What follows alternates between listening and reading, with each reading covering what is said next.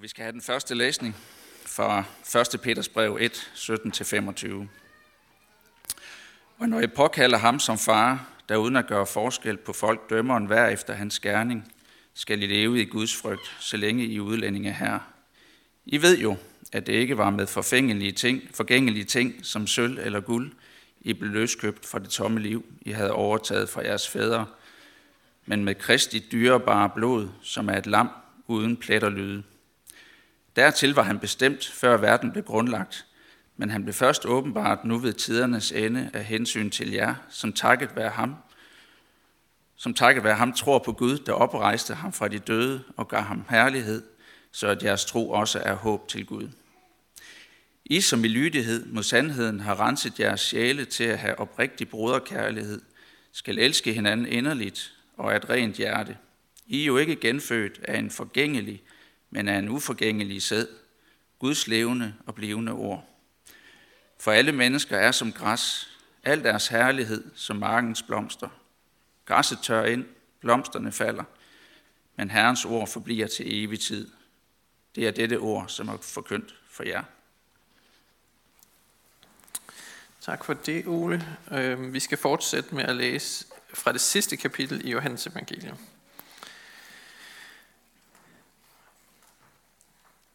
Da de havde spist, sagde Jesus til Simon Peter, Simon, Johannes' søn, elsker du mig mere end de andre? Han svarede, ja herre, du ved, at jeg har dig kær. Jesus sagde til ham, vogt mine lam. Igen for anden gang sagde han, Simon, Johannes' søn, elsker du mig? Og han svarede, ja herre, du ved, at jeg har dig kær. Jesus sagde til ham, vær hyrde for mine får. Jesus sagde så til ham for tredje gang, Simon Johannes' søn, har du mig kær? Peter blev bedrøvet, fordi han tredje gang spurgte ham, har du mig kær?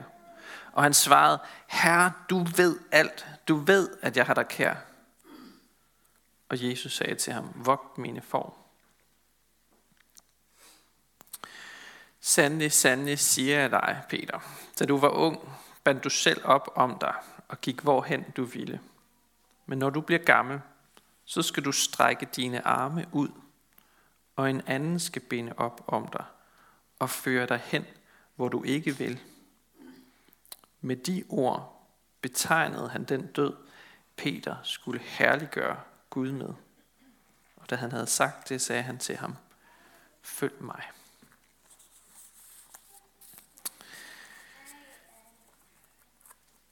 Peter og øh, de andre disciple, de er taget tilbage til Genesarets sø i Galilea. Tilbage til hverdagen, som de kendte den, før de mødte Jesus.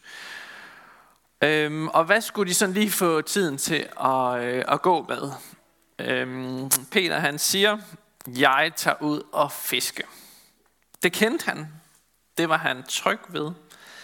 Og her oplever de så en nærmest parallel gentagelse af miraklet med den store fiskefangst.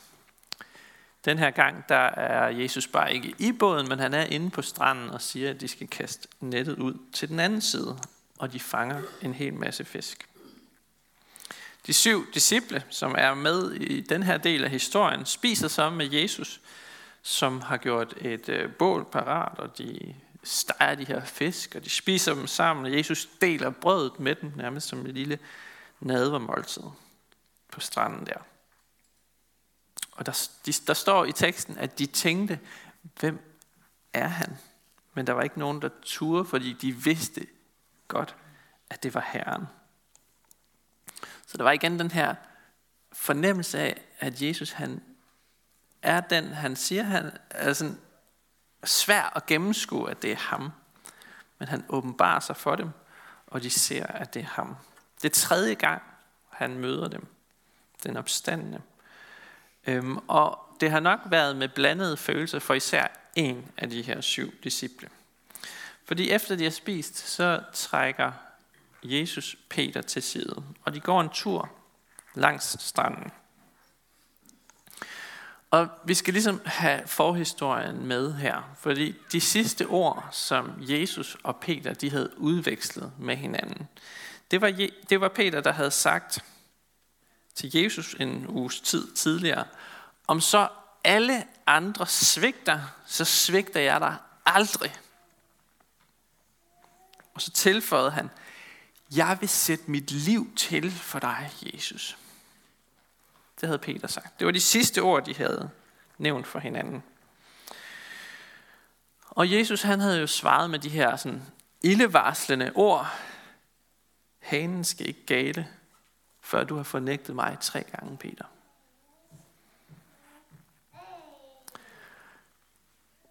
Det er en anden Peter, vi møder i dag. Det er ikke den her stærkt overbeviste, sådan, som bare tonser på, og som har styr på det, med fuldt mentalt overskud. Det er ikke den Peter, vi møder nu. Det er derimod den anfægtede Peter. Ham, der skammer sig over sit svigt. Og han ved, at Jesus ved det. Og det gør det måske bare endnu værre. Peter han har altså flere facetter. Han er ikke bare den stærke i troen, men han er også den anfægtede. Og ham, der har en erkendelse af sin egen synd, sin egen falit, sit eget svigt. Og det er en vigtig pointe at have med, når vi beskriver, hvem Peter han er. Som kristen, der oplever vi dage, hvor alting spiller. Vi oplever, at Gud hører vores bønder, at Gud velsigner os, at Gud beskytter os. Vi oplever måske en glæde over evangeliet, en glæde og en taknemmelighed over Guds nåde, og det er dejligt. Men vi oplever også dage med anfægtelse, hvor det er som om bønden den kun når til loftet og ligesom ikke videre til Gud. Vi oplever, at måske at Gud han sover i båden, der hvor det stormer allermest i vores liv. Vi oplever måske skuffelse over nederlag eller tabte kampe. Og vi oplever, at Gud, sådan livet med Gud ikke er ren velsignelse, men også lidelse og konflikt og nederlag. Men når den store apostel Peter han oplever det sådan, så er det ikke mærkeligt, at vi også oplever det sådan. Peter han råbte frimodigt den ene dag, jeg svigter dig aldrig. Og nu visker han altså med ganske lille stemme, jeg svigtede også.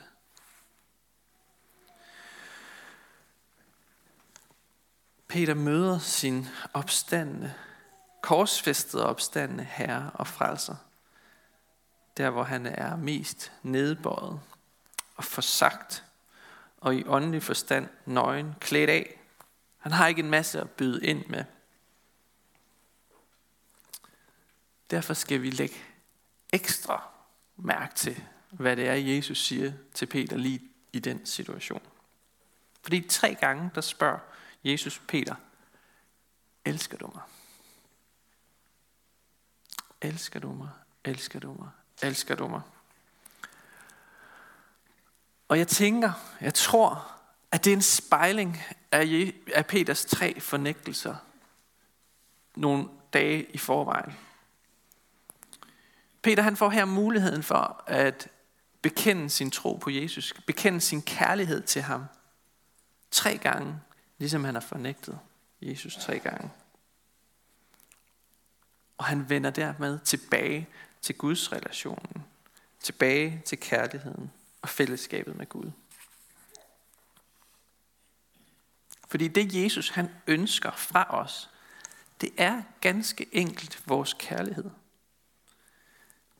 Det er hans dybeste længsel. Det er det første bud i loven. Elsk din Gud af hele dit hjerte, hele din sjæl, hele dit styrke. Det er første prioriteten på Guds ønskeliste over, hvordan han gerne vil have, at vi mennesker skal leve. Og det formåede Peter ikke engang. Ikke engang det første bud formåede han at leve op til. Der, der kom han til kort. Og vi formår det heller ikke. Men fordi vi lever på den anden side af påsken, så gør det ikke det store hvor Jesus tilgiver os. Og han viser os sin kærlighed.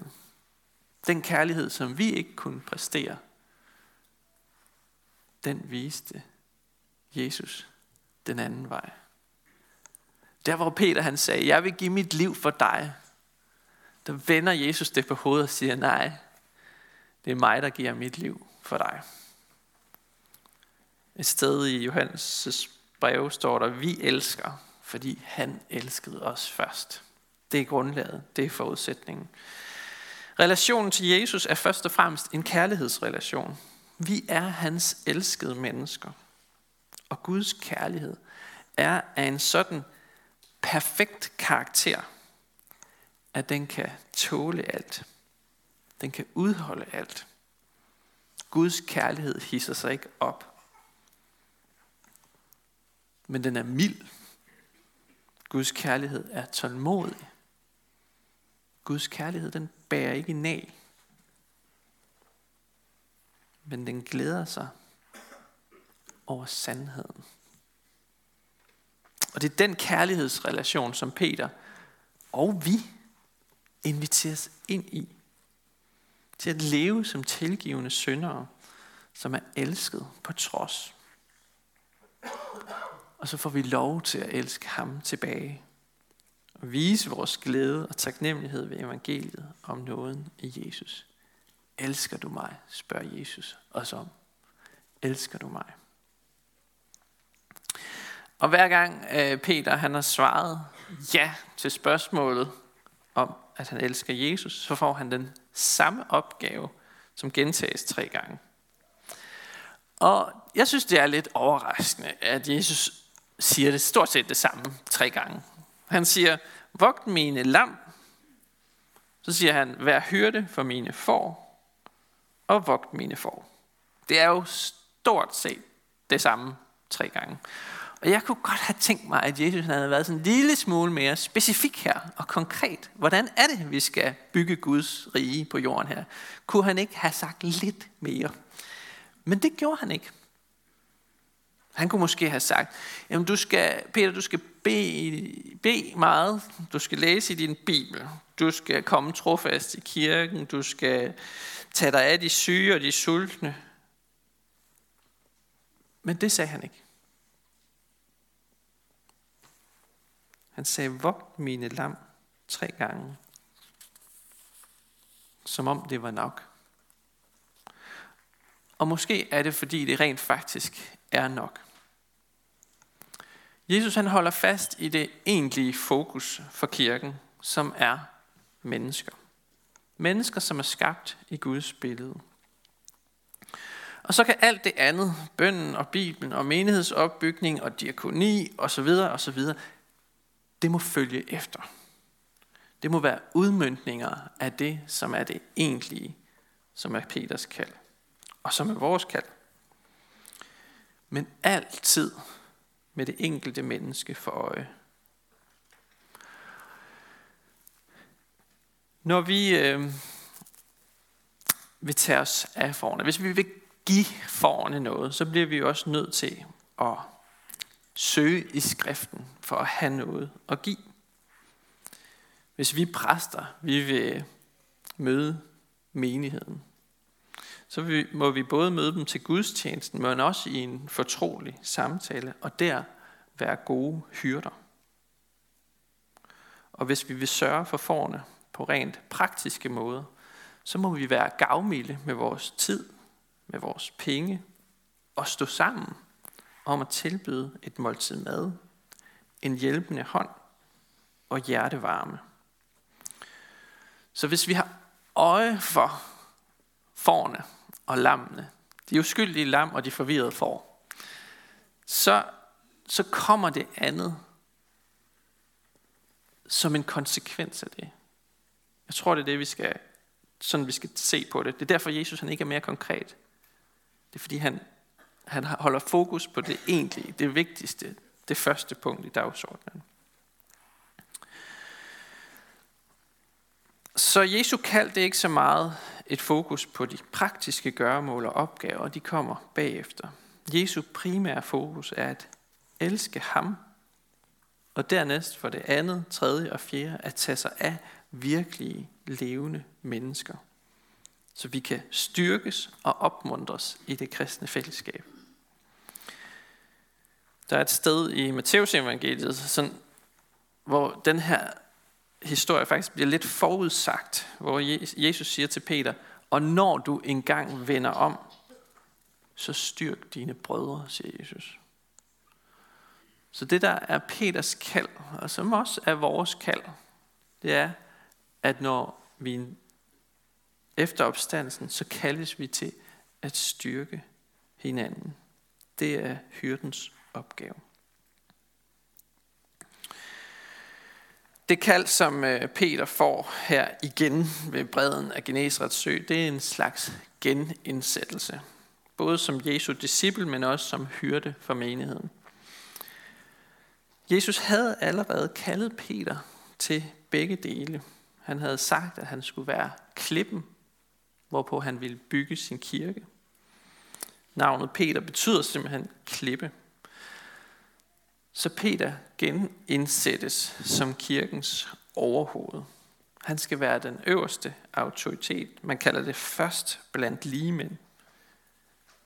Og, øhm, og det viste sig for Peter ikke bare at være en dans på roser.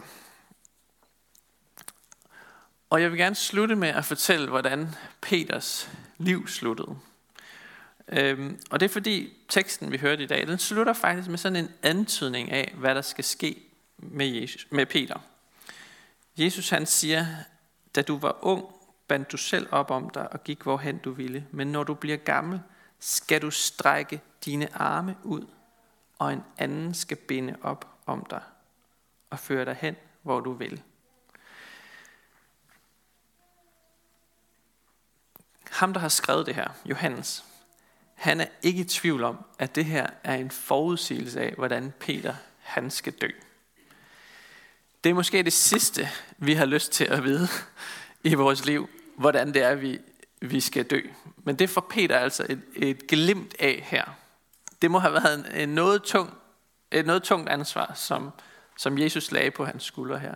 Men det siger noget om, at livet som hørte for Guds menighed, og livet som disciple af Jesus helt generelt, ikke nødvendigvis er en dans på roser, hvor det hele bare går og glider og er nemt.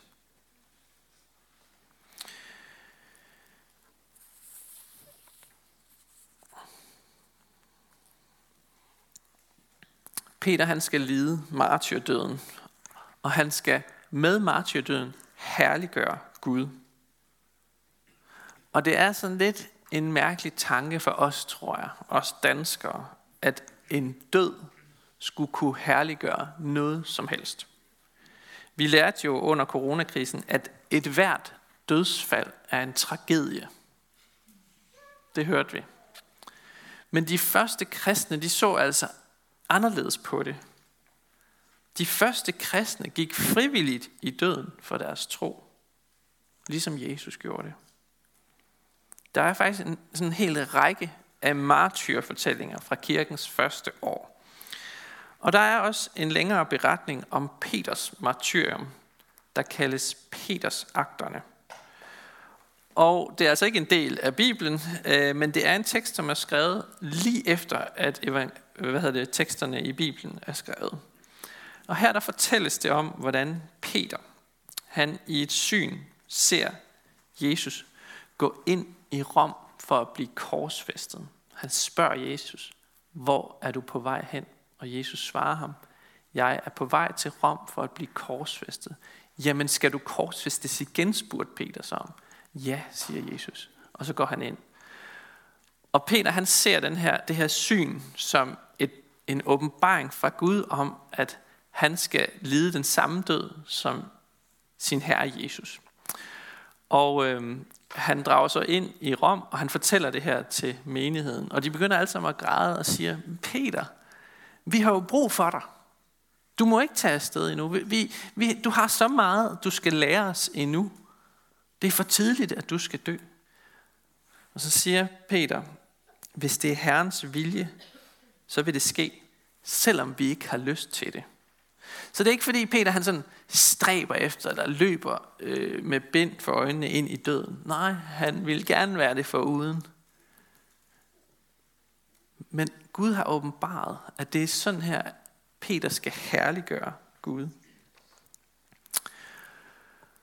Kort tid efter, så kommer der nogle øh, fire soldater øh, og anholder Peter. Og det gør de, for det er sådan lidt en lang historie, men kejseren er ret træt af Peter, fordi hans kone har besluttet, at øh, hun ikke vil gå i seng med Peter. Nej, slået med, med kejseren, fordi at øh, Peter han har sagt, at man skal leve øh, med én kone, og kejseren har to. Så den ene kone har ligesom besluttet for, at jeg vil ikke leve sammen med min mand. Og det er kejseren tosset i hovedet over. Øhm, og det kan, kejseren han kan egentlig ikke gå efter Peter på grund af det her. Men så siger han noget, altså gør han noget andet. Han siger, de der kristne, de tror jo ikke rigtigt på de guder, som vi gør som romere.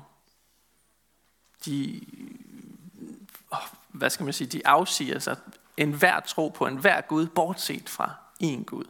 Og i en romers tanke, der, der var det næsten som at være ateist. Og endda, at den Gud, de så troede på, det var en Gud, som var død på et kors. Et menneske. Det kunne en romer slet ikke forstå. Så derfor sendte kejseren fire soldater hen for at anholde Peter. For ateisme, for ikke at tro på Gud. Og det beskrives, hvordan alle brødrene her i menigheden, de mødte op til den her henrettelse og bønfaldt kejseren om at redde Peter. Så tyssede Peter af den og sagde, Stol på ham, som skal komme og gengælde enhver efter hans gerninger. Dette må ske.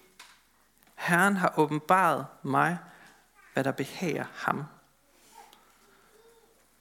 Så Peter bad menigheden om ikke at stå i vejen for Guds vilje. Og den kristne kirkehistoriker Eusebius, han beskriver Peters endeligt sådan her.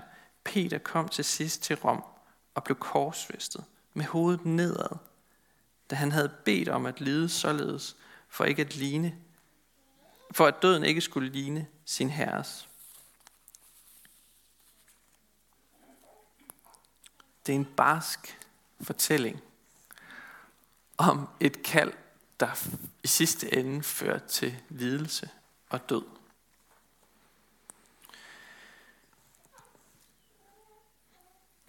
Det var altså ikke et kald til succes, men et kald til opoffrelse.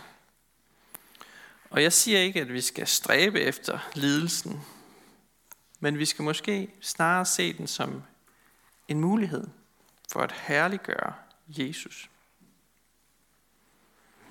Peter genindsættes ikke i tjenesten, fordi han er særligt stærk i troen, men fordi han i sin anfægtelse lod Jesus komme ind i sit liv og helbrede ham og rense ham for det svigt, han havde begået. Det er evangeliet til os i dag. Lad os bede sammen. Jesus, vi takker dig for opstandelsen og den tomme grav, som kaster et helt nyt lys over døden. Tak, at døden ikke får det sidste ord i dit rige, men at du hersker og regerer over døden. Og vi beder dig, fasthold i os håbet om sejren over døden. Vi beder dig for menighedens børn, både de fødte og de ufødte. Beskyt du dem og lad dem få lov til at vokse op i troen på dig. Vi beder dig for menighedens konfirmander og unge, for deres liv og vækst i troen. Vi beder dig for ægteskabet og dem, der lever alene. Giv os din kraft til at leve efter din vilje. Vi beder for skærn, by og omegn, at du, Jesus, må blive kendt, troet, elsket og efterfulgt. Vi beder for Niels Jørgen Fogh, menighedens vejleder, at du må styrke ham i hans arbejde og holde os alle fast på Bibelens grund. Vi beder dig om, at du vil være nær hos alle, der er ramt af sorg, sygdom og lidelse. Giv os mod til at være til stede og visdom til at lindre smerten hos hinanden. Hør os, når vi i stillhed hver især beder for en, vi kender.